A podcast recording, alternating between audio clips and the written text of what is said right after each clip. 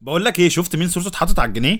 عادل إمام. من وإحنا صغيرين بيقولوا لنا إن صورة عادل إمام هتحط على الجنيه. إيه يا عم قالش ابتدائي ده. لا طبعا مش عادل إمام. مش عادل إمام أمال مين؟ صباح شريف عفيف على كل قلب نضيف. إيه بقى اللي حصل يا أبو الصحاب؟ الناس على ال social media كانوا واقفين انتباه للجيش الأبيض الساعات اللي فاتت. بعد ما انتشر كلام كده انهم هيحطوا شعار فرق مصر الطبية على الجنيه والنص جنيه. ودي حاجة عظيمة الصراحة. لازم تقف كده وانت بتشوفها أو بتسمعها أو انت حتى بتقولها. أنا نفسي واقف دلوقتي اهو. بس فجأة بقى شفت بوست كده صدمني.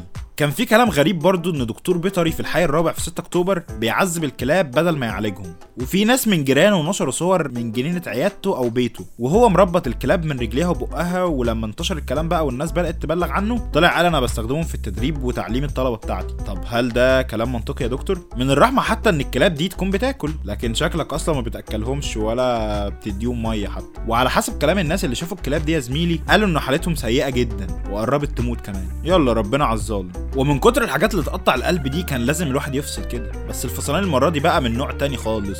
سندوتش الضحك والتهييس. آه والله زي ما بقول لك كده. مطعم في تايلاند عمل سندوتشات حشيش. أنا كنت فاكرك مؤدبة.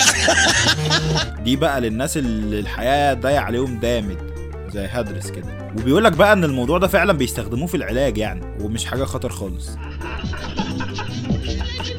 peace يا man peace إيه رأيك بقى في الكلام ده؟ بصوا قبل ما تقول رأيك يعني استنى اسمع حوارات حنين حسام وفادي بدوي. صاحبها دكتور الأسنان ده يا عم اللي كل شوية عمال يظهر معاه في حتة. هما تقريبا كده كانوا أصحاب من قبل ما تتسجن بس الواحد ما كانش متابع يعني ساعتها. وفادي ده بقى يا سيدي طلع حوار. يوتيوبر مشهور وعنده فوق الربع مليون مشترك على قناته والإنستجرام بتاعه داخل على المليون متابع. وحنين بقى من ساعة ما طلعت من السجن وملهاش كلام غير عليه. وبعد ما الناس فضلوا يسألوها مين ده مين ده طلعت قالت لهم بقول لكم إيه ربنا فوق وفادي ده تحت. فاهمين ولا لأ؟ بس وراحت معيطه بقى وفي الساحره المستديرة ابننا مصطفى محمد بقى كان مولع الدنيا في الدوري التركي بعد الشغل العالمي اللي عمله مع جلطة سراي والناس عندها أمل بقى إن يبقى عندنا فخر عرب جديد.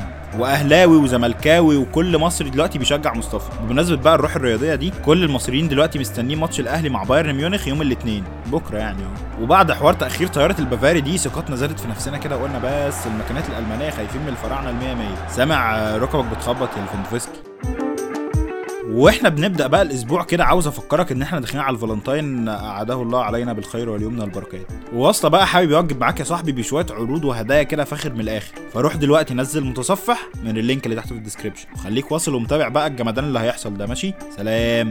خليك واصل الواصلين جامدين. like و share وخليك على وصلة browser واكسب عروض وهدايا أكتر.